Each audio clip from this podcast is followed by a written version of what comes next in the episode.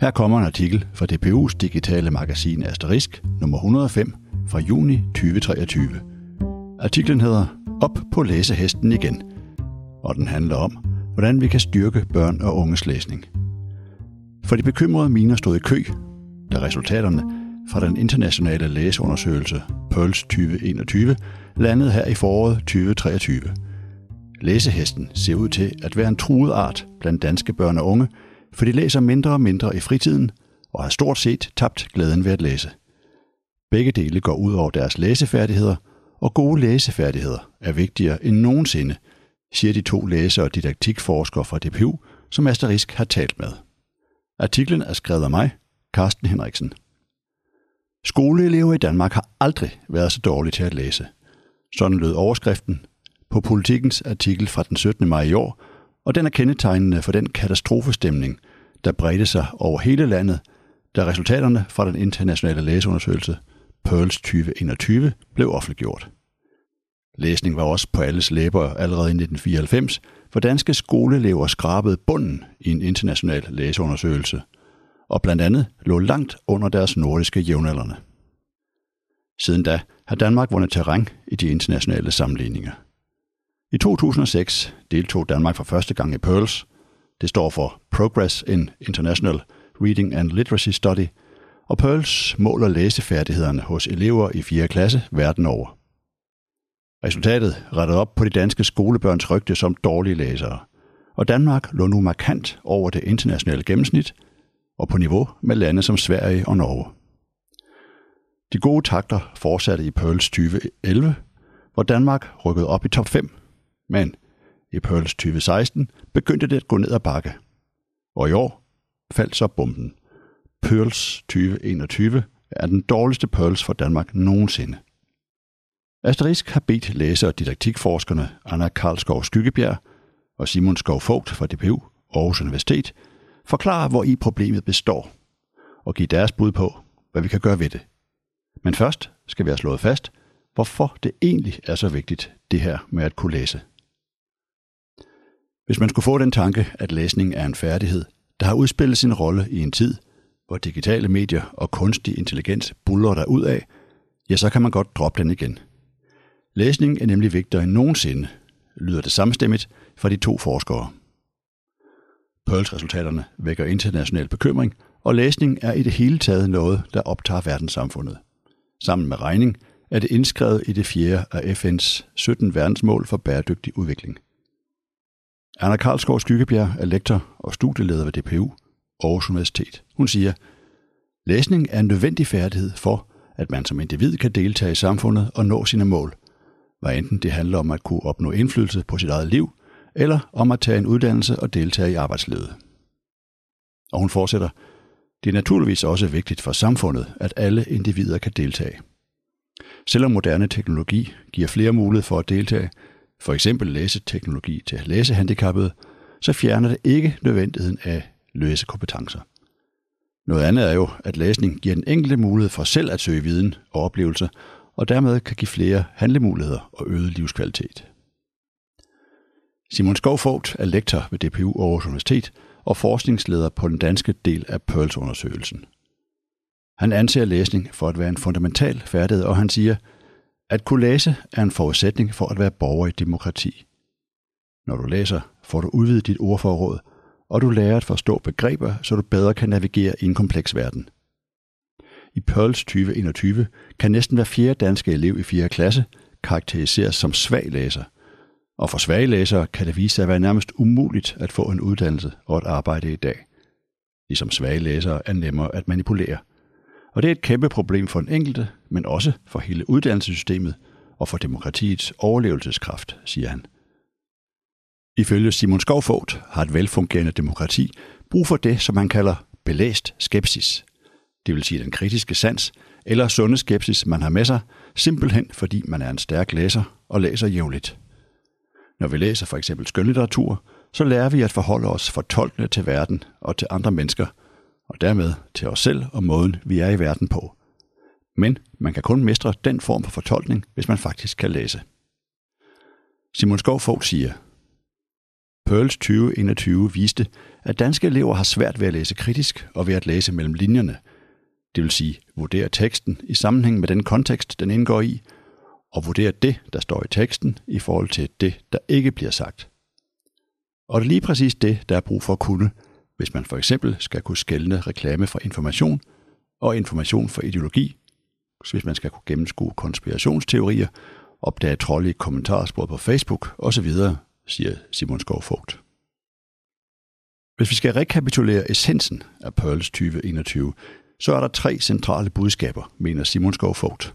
For det første, at andelen af deciderede svage læsere er stor og stigende, og for det andet, at de danske elever læser mindre hyppigt i fritiden.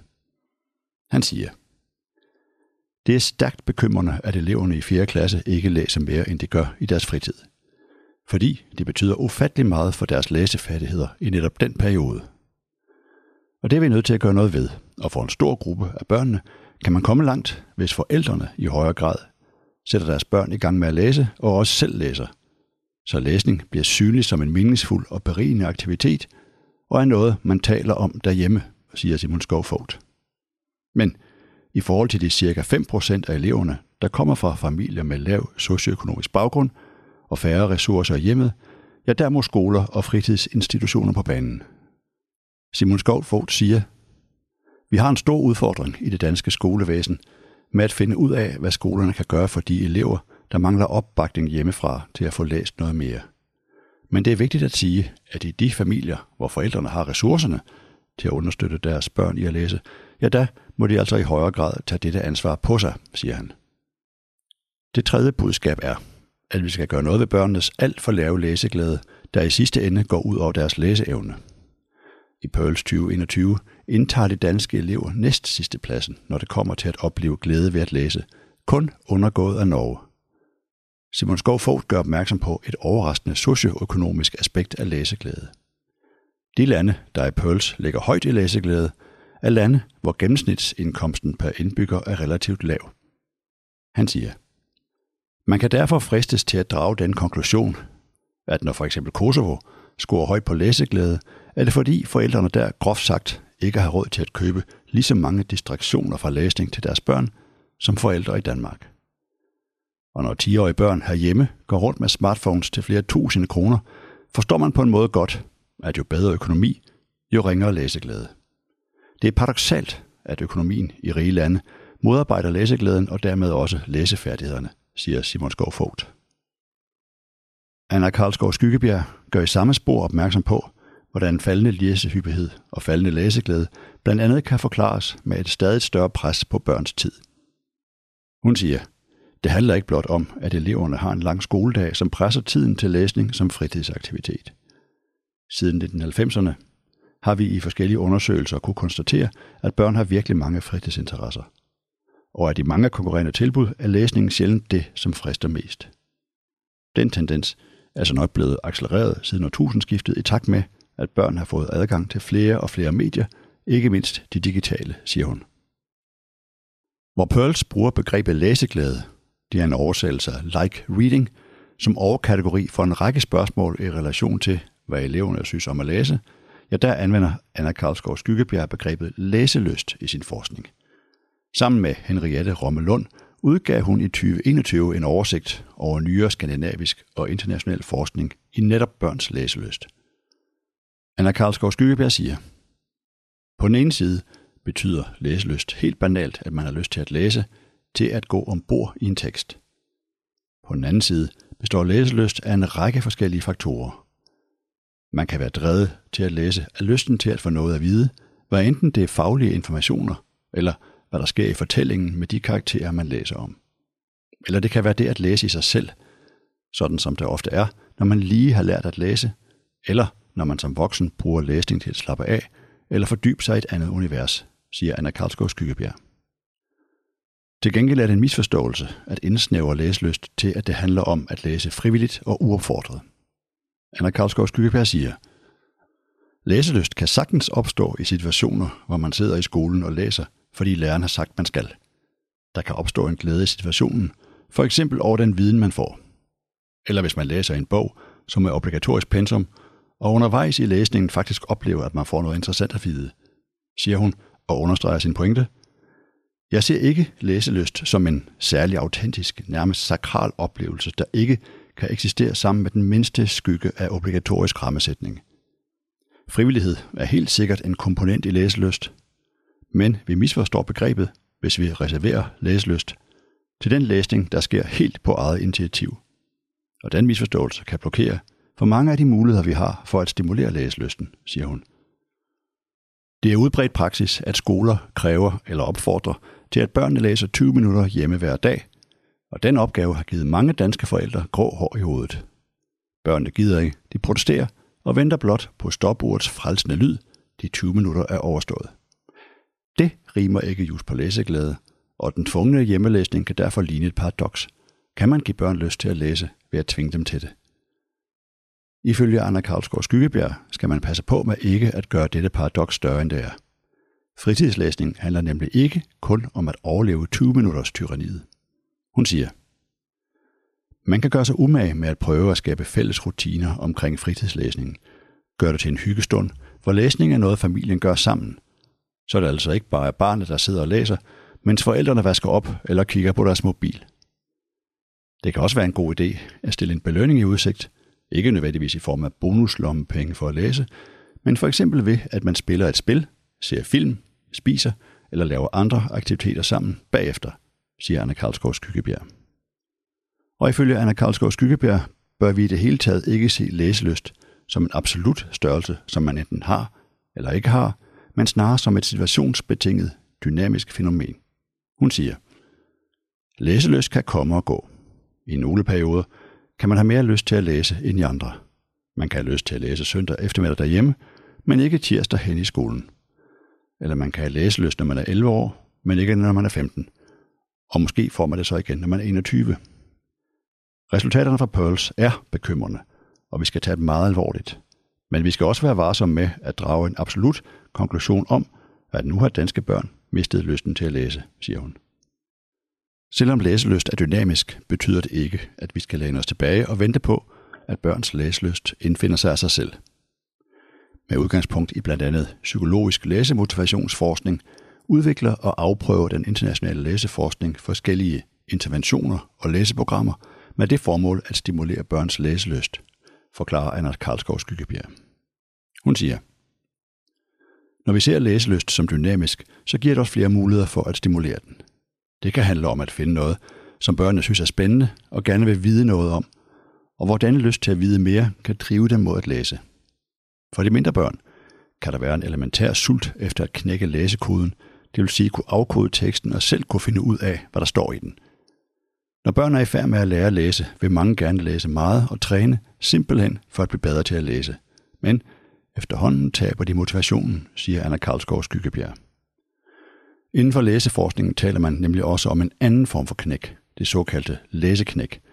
Det er det tidspunkt, hvor hyppigheden af børns læsning for alvor begynder at falde. Anna Karlsgaard Skyggebjerg siger, i Danmark er det typisk mellem 5. og 6. klasse. Når børnene begynder at komme i puberteten, bliver der større konkurrence om deres tid og opmærksomhed, ligesom de voksne får mindre indflydelse på, hvad de laver. Der er derfor brug for at arbejde med andre motivationsformer, hvis læsning fortsat skal være noget, børnene søger, siger hun. Læselyst kan også stimuleres af noget så elementært som tilgængelighed.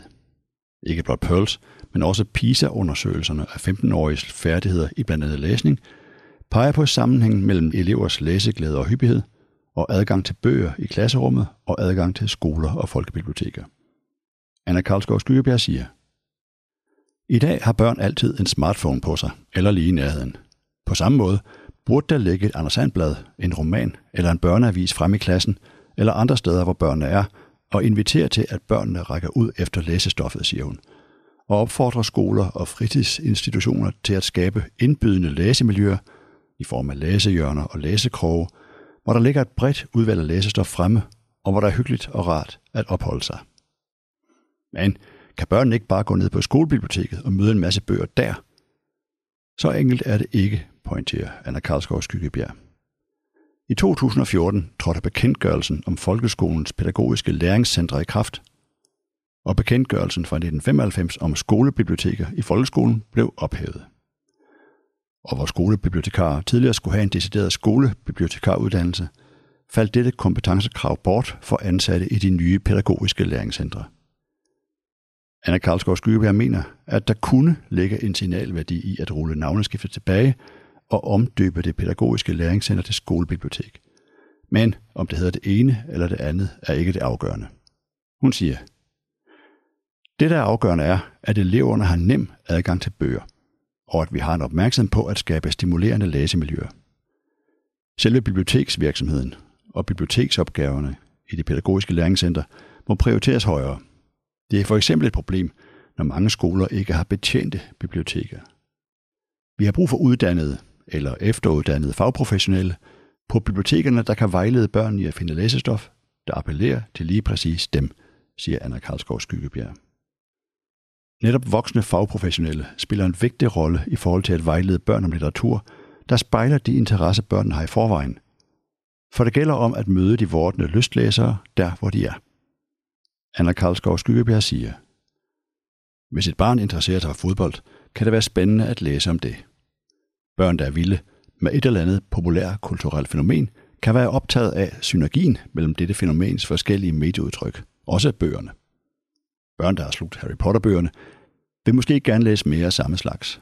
Andre børn står helt af på fantasy og sci-fi, og vil måske hellere læse bøger om, hvordan det er at være 12 år, og om, hvad der sker med ens krop, siger Anna Karlsgaard Skyggebjerg. Når det kommer til at stimulere læselysten herhjemme, er vi privilegeret af, at dansk børne- og ungdomslitteratur aldrig har været rigere.